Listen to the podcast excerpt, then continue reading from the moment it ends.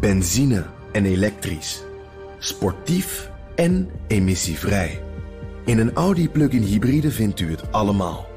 Ervaar de A6, Q5, Q7 en Q8 standaard met quattro vierwielaandrijving.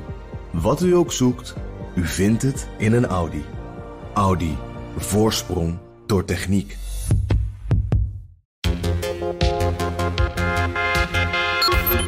Bij kernwapens denkt iedereen aan de Koude Oorlog. Omdat toen al zo op scherp gespannen stond.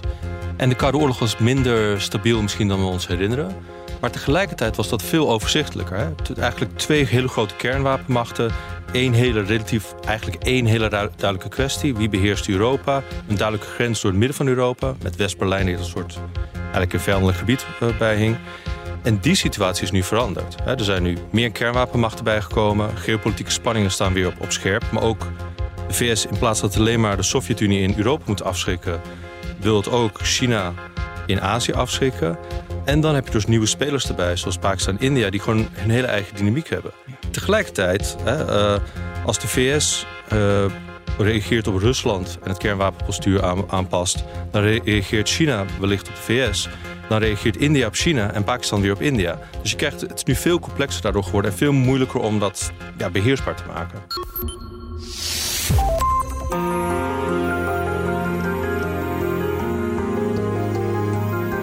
Je luistert naar De Stratege, een podcast van BNR in samenwerking met het Den Haag Centrum voor Strategische Studies. Mijn naam is Paul van Liemt.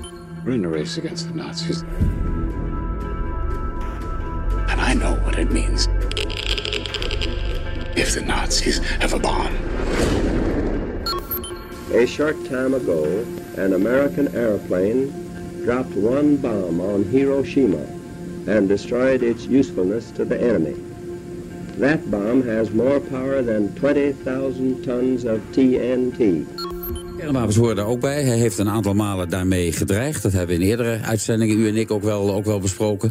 Daar mogen wij ons uiteraard niet door laten afschrikken... met de besluiten wat wij, wat wij besluiten.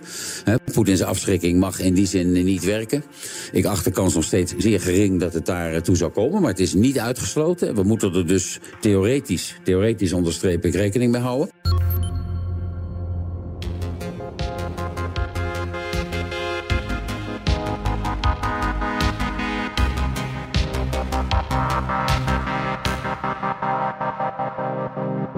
Film Oppenheimer is dit jaar een van de grote successen in de bioscopen. Het verhaal over het ontwikkelen van de eerste atoombom is actueler dan ooit. Denk aan de oorlog in Oekraïne, aan de dreigementen vanuit Rusland en aan het opzeggen van allerlei verdragen, onder meer door Amerika. Maar na de Koude Oorlog kregen veel meer landen de beschikking over kernwapens. Wat te denken van Noord-Korea, India en Pakistan en ook China zit niet stil. Kortom, we moeten in 2023 opnieuw leren omgaan met deze kernwapens. Maar hoe? Dat ga je horen van mijn twee gasten. Paul van Hoofd, strategisch analist bij Den Haag Centrum voor Strategische Studies.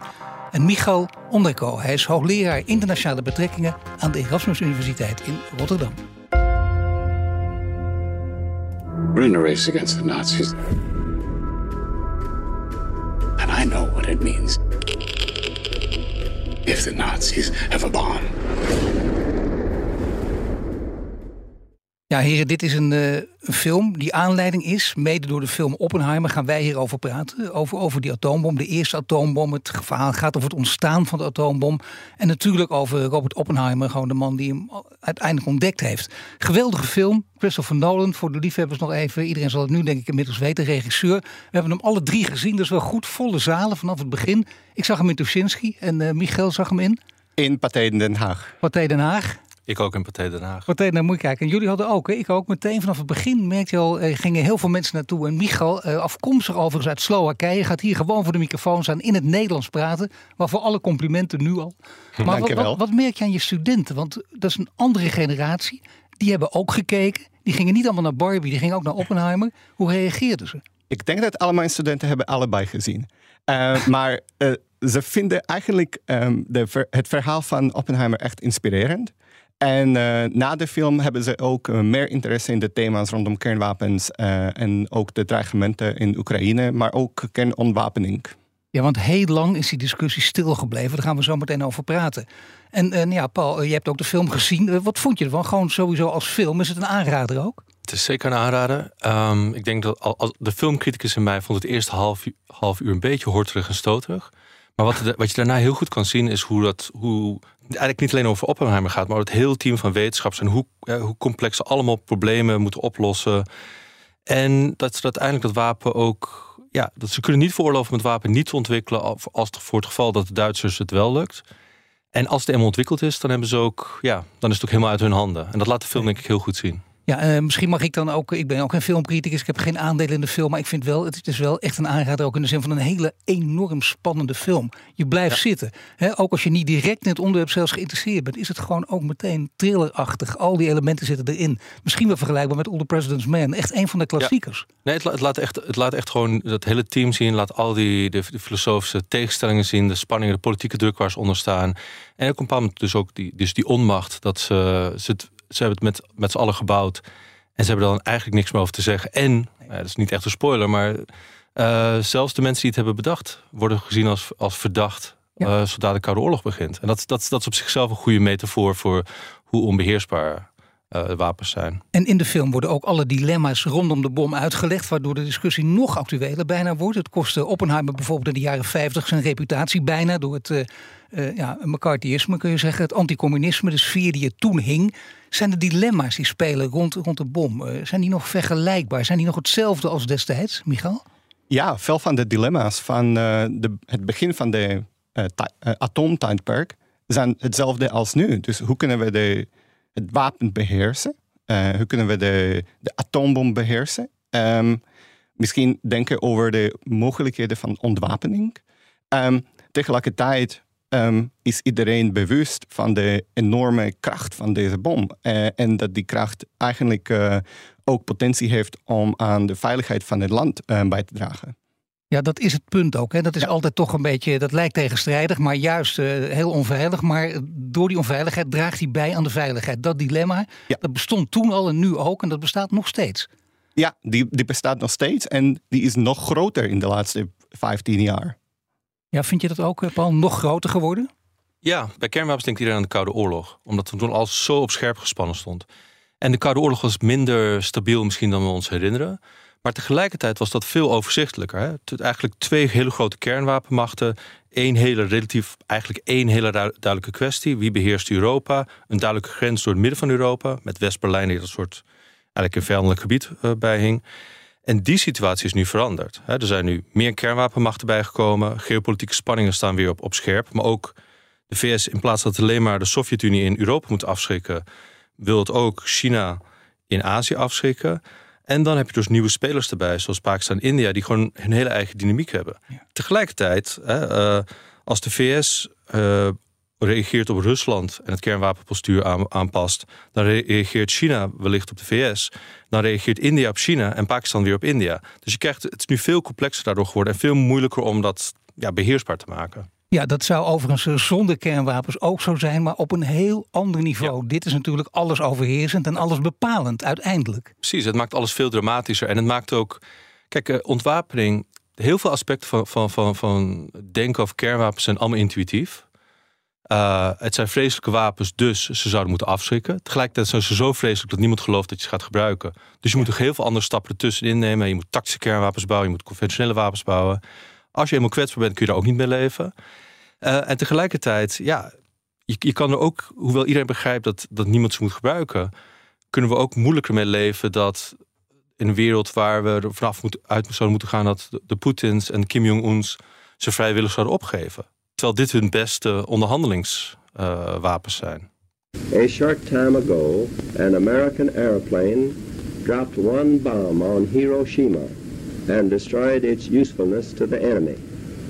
That bomb has more power than 20,000 tons of TNT.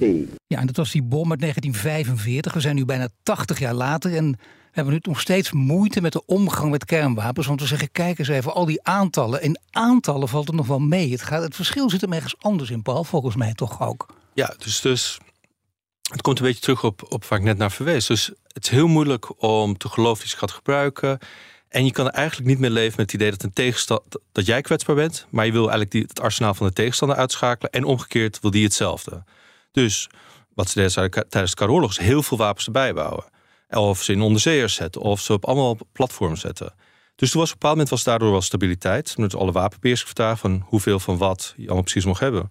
Alleen nu zijn ook veel nieuwe technologieën bijgekomen. En dan kun je misschien denken aan kunstmatige intelligentie als een grote ja, onzekere kaart daarin. Want die, die gaat het licht mogelijk maken om data veel beter te analyseren, zodat je nog makkelijker een, een wapen kan vinden, of een onderzeeër misschien zelfs kan vinden. En daardoor soort, ja, toch in de verleiding kan komen om misschien als eerste ja, proberen het hele probleem gewoon weg te halen. Ja, dan wordt het nog ondoorzichtiger natuurlijk door AI. Daar gaan we zeker nog over spreken. Dat is echt de huidige tijd. Maar toen het begon, toen keken we naar het aantal doden. En uh, hoe cynisch het ook is, je gaat gewoon optellen en vergelijken. Dan kom je op honderdduizenden uit. Dat zag je in andere oorlogen ook. Dat zag je nadat er andere bommen vielen ook. Maar er was wel één heel groot verschil. Ja, nou, kijk, wat inderdaad. Dus uh, je kan zeker in de, in de, context van de Tweede Wereldoorlog, waar er, waar er op dat moment al miljoenen, tientallen miljoenen doden waren hele steden weggevaagd zijn in, in, in nachtbombardementen, ook in Japan. Ja. Alleen nu was het mogelijk om een hele stad in een seconde of twee weg te vagen. En niet iedereen beseft gelijk wat dat betekent. Maar het ging wel zo'n soort schok door heel veel strategische. Bij heel veel strategische denkers beseften dat dit nu dat een hele andere orde van wapens was. Dus daarom heet het ook strategische wapens, wat eigenlijk een beetje een raar titel is te Ja. Maar omdat ze zijn eigenlijk een soort, een, een soort het is niet een, een heen en weer gaan. Het is eigenlijk een soort, het, het is het einde van het hele spel. Ja.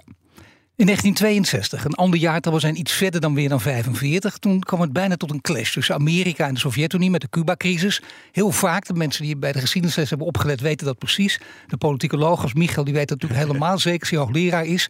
Maar was dat, kun je zeggen, dat dat echt de wake-up call was, of niet? Nou, vanaf het begin van de atoomtijdperk, dus vanaf het jaar uh, ja, vanaf 1945 eh, was het al een idee dat ehm, kernwapens moeten op een of andere manier beheerst worden. Dus er was al aan het begin het idee dat er moet een systeem van internationale controle komen. En daar was een grote, groot verschil tussen de landen, vooral eh, tussen de Sovjet-Unie en de VS, hoe dat zou moeten tot stand komen. Er was ook een grote frustratie van andere landen, onder andere ook van de West-Europese landen, dat als er een strenge internationale controle komt, dan kunnen deze landen bijvoorbeeld uh, kernenergie niet gebruiken. En dat zou een, een nadeel worden van zo'n systeem van controle. Um, wat de Cuba-crisis had gebracht, is eigenlijk het idee dat we moeten echt streng gaan tegen het verspreiden van kernwapens. Um, maar we moeten een oplossing vinden zodat de landen eigenlijk het systeem aantrekkelijk genoeg vinden. En daardoor bijvoorbeeld aan een ehm, internationale overeenkomst kunnen aansluiten. Zodat ze de wapen willen beheersen en de verspreiding willen beheersen. En misschien de eerste stappen tot de ontwapening doen, maar zonder uh, hun energiegebruik in gevaar te brengen. Precies, en je zou kunnen zeggen dat dat ook gebeurde. Er kwam een hotline hè, tussen Moskou en Washington, dat was natuurlijk heel belangrijk. En toen een aantal verdragen. En misschien aardig om die even wel in herinnering te roepen... en nog kort uit te leggen wat die ook weer betekende. Want het gaat over het niet verspreiden. Dat is, uh, wat Michael een paar keer zegt, dat is het non-proliferatieverdrag. Maar je had ook het INF-verdrag en START. Het waren beide belangrijke, Paul. Wat, wat betekende, wat behelzen die verdragen? Ja, dat waren weer. Dus het INF-verdrag uh, ging over de korte middellange afstandsraketten. Uh, die in Europa geplaatst werden door de Sovjet-Unie. Um, start ging over de strategische wapens. Dus de, de wapens waarmee de, de Sovjet, toen de Russen en de VS elkaar onder schot hielden. Uh, en die korte middellange afstandswapens, die, laten, die zijn denk ik interessant om te noemen, omdat uh, voor, voor, ik, voor bepaalde generatie Europeanen, zeker voor, voor, heel veel Nederlanders, was de, de plaatsing, de, de, de, SS-20, de NATO Double Track beslissing eind jaren 70, begin jaren 80, was uh, de aanleiding voor enorme massaprotesten. Heel veel demonstraties. Precies. Heel veel mensen die, die daardoor ook denk ik politiek bewust zijn geworden. En, en de grap is natuurlijk dat die wapens werden door de VS in Europa geplaatst, eigenlijk op verzoek van een aantal Europese leiders, om de Sovjets te dwingen te onderhandelen. Want met, met, met die korte, lange afstandswapens die de Sovjets hadden geplaatst in Europa, kon ze misschien de VS niet bereiken, maar ons allemaal wel. Dus het was eigenlijk, dat laat een soort van die, van die knelpunten zien. Want uh, nu, nu hebben heel veel kleine, middelgrote landen hebben uh, non-proliferatie geaccepteerd. Maar die hebben dat, dat hebben ze eigenlijk alleen maar geaccepteerd omdat de VS zei: Oké, we gaan jullie echt beschermen. Daar gaan we allemaal moeite voor doen. Als jullie echt geloven dat we, dat we jullie gaan beschermen, hoeven jullie geen kernwapens meer te nemen. En, maar natuurlijk, zij zitten nog steeds aan de andere kant van de oceaan. Dus Ja. de Sovjets hadden korte afstandswapens. Ze zeggen: Oké, dan zetten wij die ook in Europa neer. Dan hebben we iets om te onderhandelen. En toen worden wij ook weer heel nerveus. Dus, in de, dus wat ik probeer te zeggen is dat bondgenoten van de VS... ehm, of heel nerveus werden dat de VS ze zou verlaten... of heel nerveus werd, werden dat de VS zou escaleren. En dat dit hele spel eigenlijk plaatsvond om te voorkomen... dat er nog meer staten, hè, Duitsland, Italië... eh, wij misschien hadden dat misschien ook wel kunnen doen... kernwapens hadden gebouwd om zichzelf te verdedigen. Ja, dus heel lang de Koude Oorlog, periode van, van stabiliteit. En eh, wij deden dat niet of konden dat niet. Want eh, dat herinneren met name de iets ouderen onder ons zich nog heel goed. In Nederland, die cartoons die ook wereldberoemd zijn geworden. Heel vaak zie je ze op, op exposities terug. Zo'n vrouwtje dat dan tegen, mooi zwart-wit getekend, tegen een kernwapen aantrapt. En de leus was toen ook kernwapens de wereld uit te beginnen uit Nederland. Dat is achteraf gezien, denk jij Paul, een, een verstandige geweest of juist helemaal niet? Juist helemaal niet. Nee. Want, want dat is. eh, uiteindelijk, die wapens die, die stonden hier. En het, het, het plek weer bij die paradoxen waar die vanaf het begin stonden. Hè, waar we Micha ook net naar verwees. Die wapens zijn natuurlijk vreselijk. Ja, dat, die zijn ook een doelwit van, van een Sovjet of een Russische vergelding. Tegelijkertijd zijn ze ook een manier om ons veilig, veilig te houden. En te zorgen dat, dat andere wapens niet tegen ons worden Maar je zei, wij hadden ze zelfs kunnen hebben. Stel dat we die tijd anders gedacht hadden. De macht had het, Ja. is, er, is er ergens een aanwijzing dat Nederland al ver mee was om kernwapens zelf te Als je, produceren, te als je veel langer teruggaat in de jaren 50, liep- er waren genoeg. Iedereen zag dat je die wapen, dat je eh, was met ener- atoomenergie bezig voor civiele doeleinden, maar zag ook dat je wapens van kon maken. En, Maar we en hadden de kennis en kunde, we hadden het kunnen doen als, als de willen was geweest, hadden we die wapens kunnen hebben in Nederland. al- als er geen eh, tegenstand was geweest van, eh, van bondgenoten. Ja. Dan was Nederland dus het kleinste land geweest Ja, ter wereld met kernwapens. Heel veel landen hadden kernwapens kunnen ontwikkelen in de Was dat, 50, nu, was dat nu in ons voordeel geweest als wij nu kernwapens hadden gehad? Was Nederland een kernmachtje geweest? Ehm, was het in ons voordeel geweest? Kijk, dat is een moeilijke. Want Nu Micho heel hard lachen, dus ik ben benieuwd naar je antwoord. Dat, Was het in ons voordeel geweest? Ehm, misschien. Heel, heel, heel misschien. Als je ervan uitgaat dat, dat daarmee dat, je de, de eerste periode had overleefd, dat, dat de VS en de Sovjets allebei dat hadden geaccepteerd. Als je, als je, dat, als je ook denkt dat je daarmee niet meer reden had gegeven aan nog meer landen om kernwapens te, te hebben. Als je, dan niet, als je niet denkt dat er dat met 100 kernwapenstaten in de wereld, pak een beet, 50, dat er niet veel meer kansen waren geweest op ongelukken die, die waarschijnlijk dan al gebeurd waren. Dus ik, ik, ik, zou, ik zou niet makkelijk zeggen dat het een slecht idee was geweest, maar een goed idee is het was. Daar ben ik ook niet helemaal van overtuigd. Nee, het mooie is wel dat jij natuurlijk met de blik van buiten kan kijken. Want ook jij hebt internationale ervaring in Amerika, heel lang Mhm. gewoond en gewerkt. Maar ja, Michael, jij natuurlijk helemaal, eh, als, als echte geboren Slovaak ook. Waar moest je zo hard lachen toen ik deze vraag stelde? En toen Paul even aarzelde met zijn antwoord. Ja, ik, ik moest lachen, want ehm, er waren meerdere kleinere Euro- Europese landen die met de idee van hun eigen kernwapenontwikkeling speelden in de jaren 50 en 60. En alle Europese landen, inclusief West-Duitsland, dus een heel groot land in het center van Europa, ehm, hebben, waren op een of andere moment overtuigd door de Amerikanen dat dat echt een slechte idee was. En, en de Amerikaanse regeringen, een na de andere, waren echt overtuigend dat eh, als een land, vooral een land in Europa, een bondgenoot van, de, van Amerika wil blijven worden, dan ontwikkeling van kernwapens helemaal geen goede idee is. Kunnen we, nu, kunnen we nu zeggen op dit moment met zekerheid welke landen in ieder geval over kernwapens beschikken? Weten we dat? Ja, Welke landen zijn het? Even op een rijtje, want het zijn er niet zo gek veel. Ik denk een stuk of zes, zeven. ehm, er zijn eh, negen op dit moment. Je hebt Amerika, Je hebt Amerika, Rusland, China, eh, Frankrijk, eh, Engeland, nou, WK, ehm, India, Pakistan, ehm, Noord-Korea. Noord-Korea en Israël. Ja, dat zijn inderdaad de negen. Ja. En er zijn geen landen die ze. Dat betekent dus, dat weten we zeker, dat er niet meer landen zijn waarvan wij het nu niet weten. Of landen die dat nog om wat voor reden ook verborgen houden. Paul. Nou ja, het hele punt van. Het zou kunnen dat er landen zijn die nu verder in ontwikkeling zijn. Maar als je ze zou hebben. en je zou de middelen hebben om, hè, om ze veilig te houden en, en alles. dan zou je het ga- heel hard gaan vertellen. Want het, je hebt, je hebt, of me, meeste omstandigheden. Je hebt heel weinig aan die wapens. Het is een beetje soort uit, uit een scène Dr. Strangelove. Waarin, de, Waar de, de Amerikaanse president tegen zijn uh, Sovjet-tegenhanger zegt van... Uh, maar Dimitri, waarom heb je ons niet verteld dat je de Doomsday-wapen had? Ja, dat gingen we maandag doen. dat is het, dat is het probleem. Je, je, het hele idee is dat, dat de, die vrees kan alleen maar werken als... Nou ja, je moet op zijn minst hinten dat je, dat je dat monster in de kast hebt. Als niemand het weet, dan heb je er weinig aan. Precies, want uh, dat wist Trump ook. Onder leiding van hem stapt Amerika daarom bijvoorbeeld uit allerlei verdragen. Rusland deed dat ook. Hè. Die verdragen die, dat, dat hoefde allemaal niet meer. Daar had hij allemaal zijn redenen voor. Wat is er nog over van die wapenbeheersing? Op dit moment niet zoveel. Het, het, het startverdrag um, wankelt. Dat, uh, de Russen hebben hun medewerking daaraan opgeschort. Um, dat is belangrijk omdat dat een, een, ja, een plafond inbouwde voor hoeveel um, kernwapens ze klaar hadden staan. Uh, het, het, verschil met de Koude Oorlog is nog groot. Hè. Wel, toen waren, hadden ze bij elkaar iets meer dan 60.000 kernwapens. Zitten nu op, uh, nou ja, 8000, nee, 9000 ongeveer. Ja, enorm verschil. Dat is een behoorlijk verschil, ja.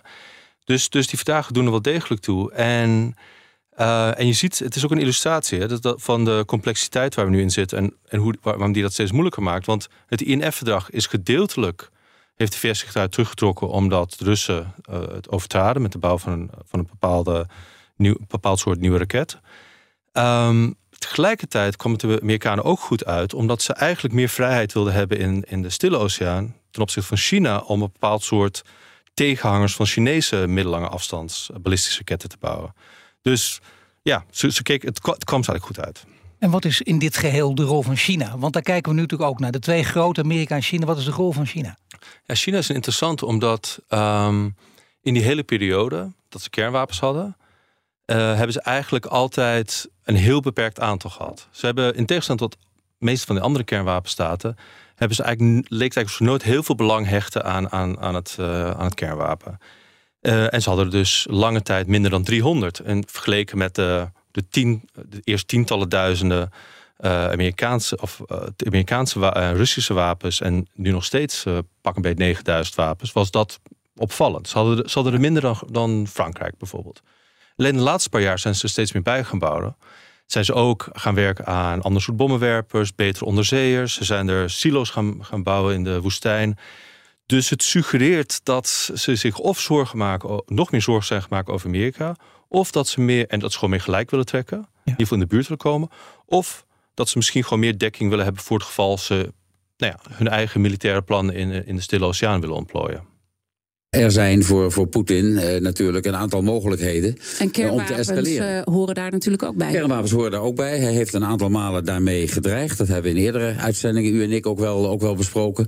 Daar mogen wij ons uiteraard niet door laten afschrikken met de besluiten wat wij, wat wij besluiten. Poetins afschrikking mag in die zin niet werken.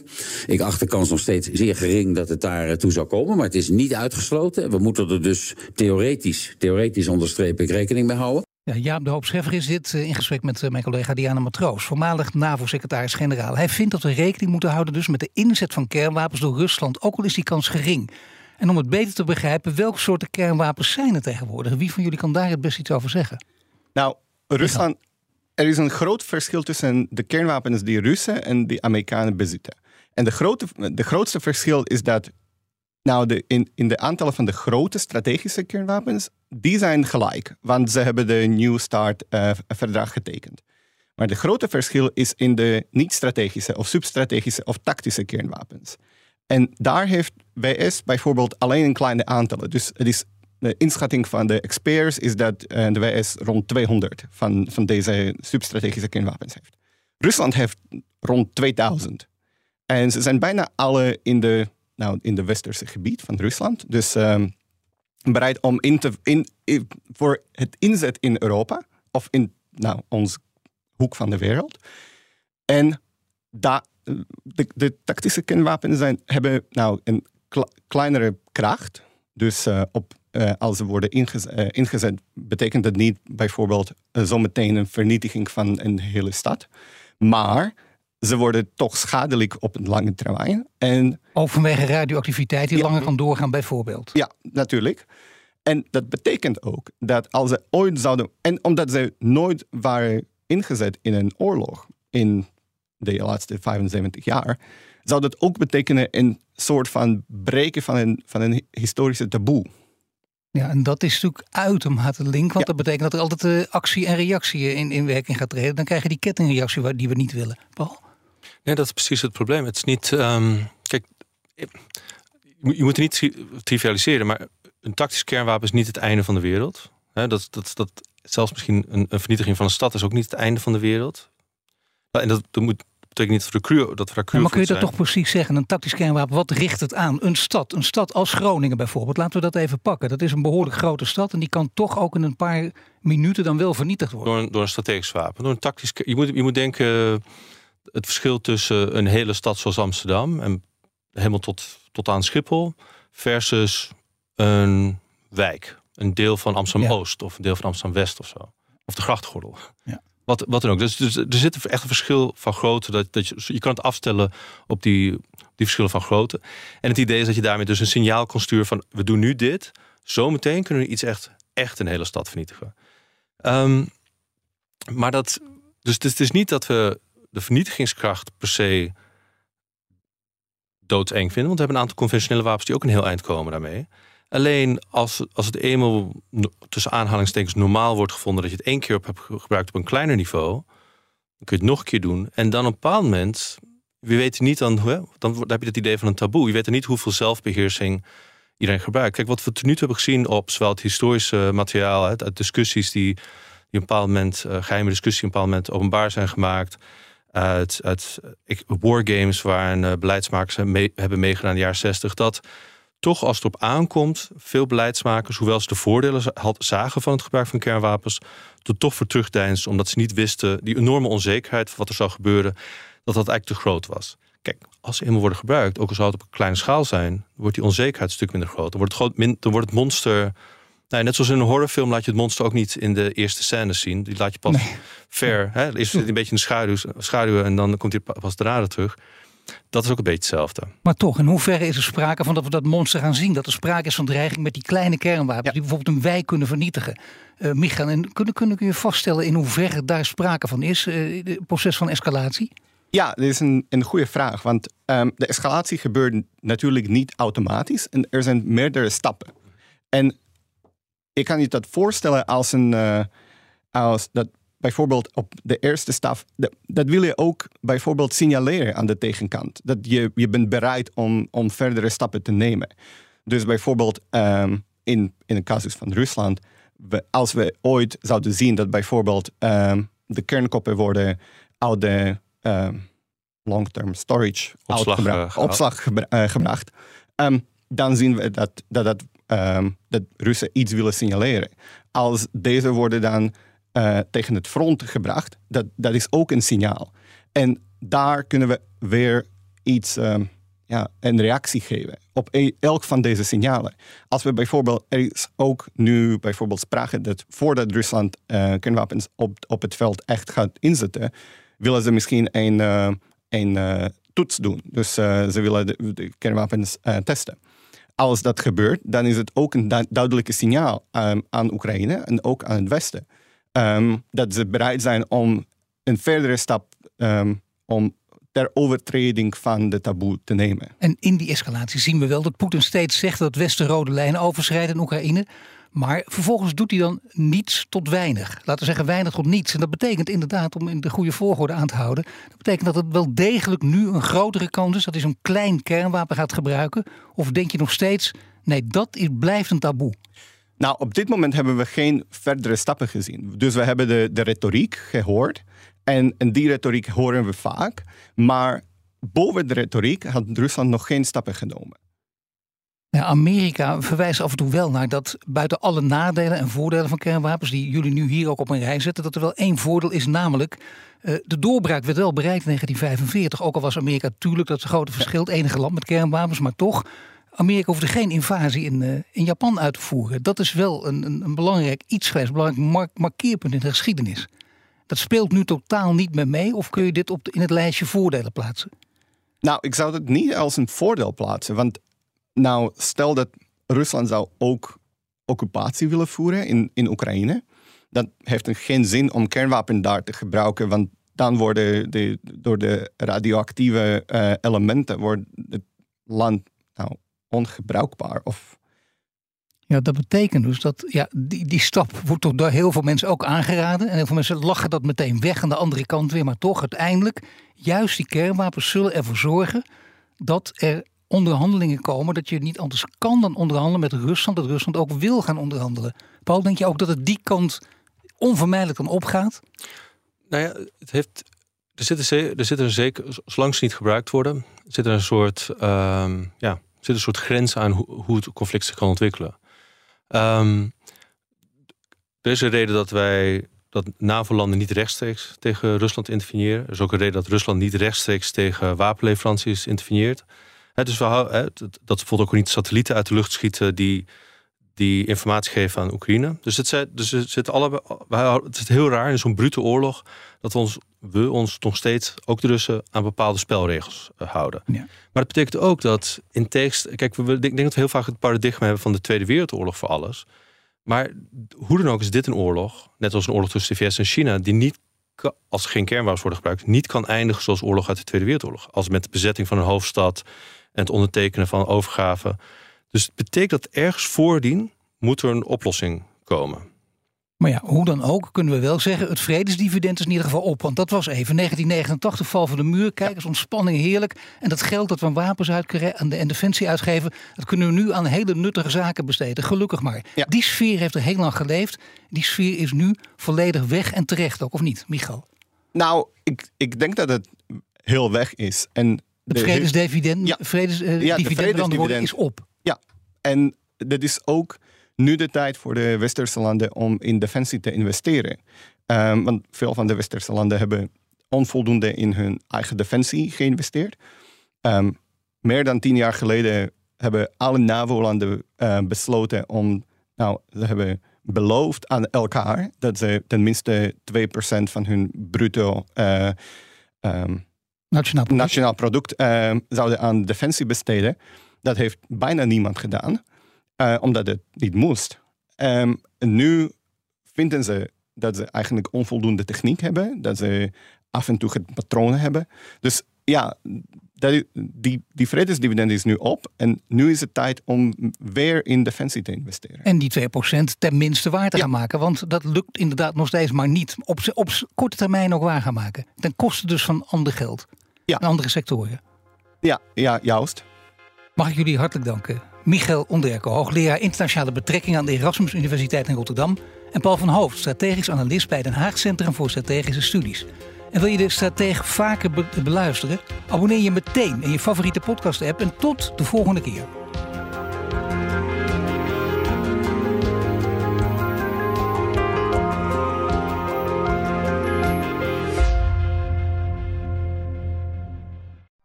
Benzine en elektrisch sportief en emissievrij. In een Audi plug-in hybride vindt u het allemaal. Ervaar de A6, Q5, Q7 en Q8 standaard met quattro vierwielaandrijving. Wat u ook zoekt, u vindt het in een Audi. Audi. Voorsprong door techniek.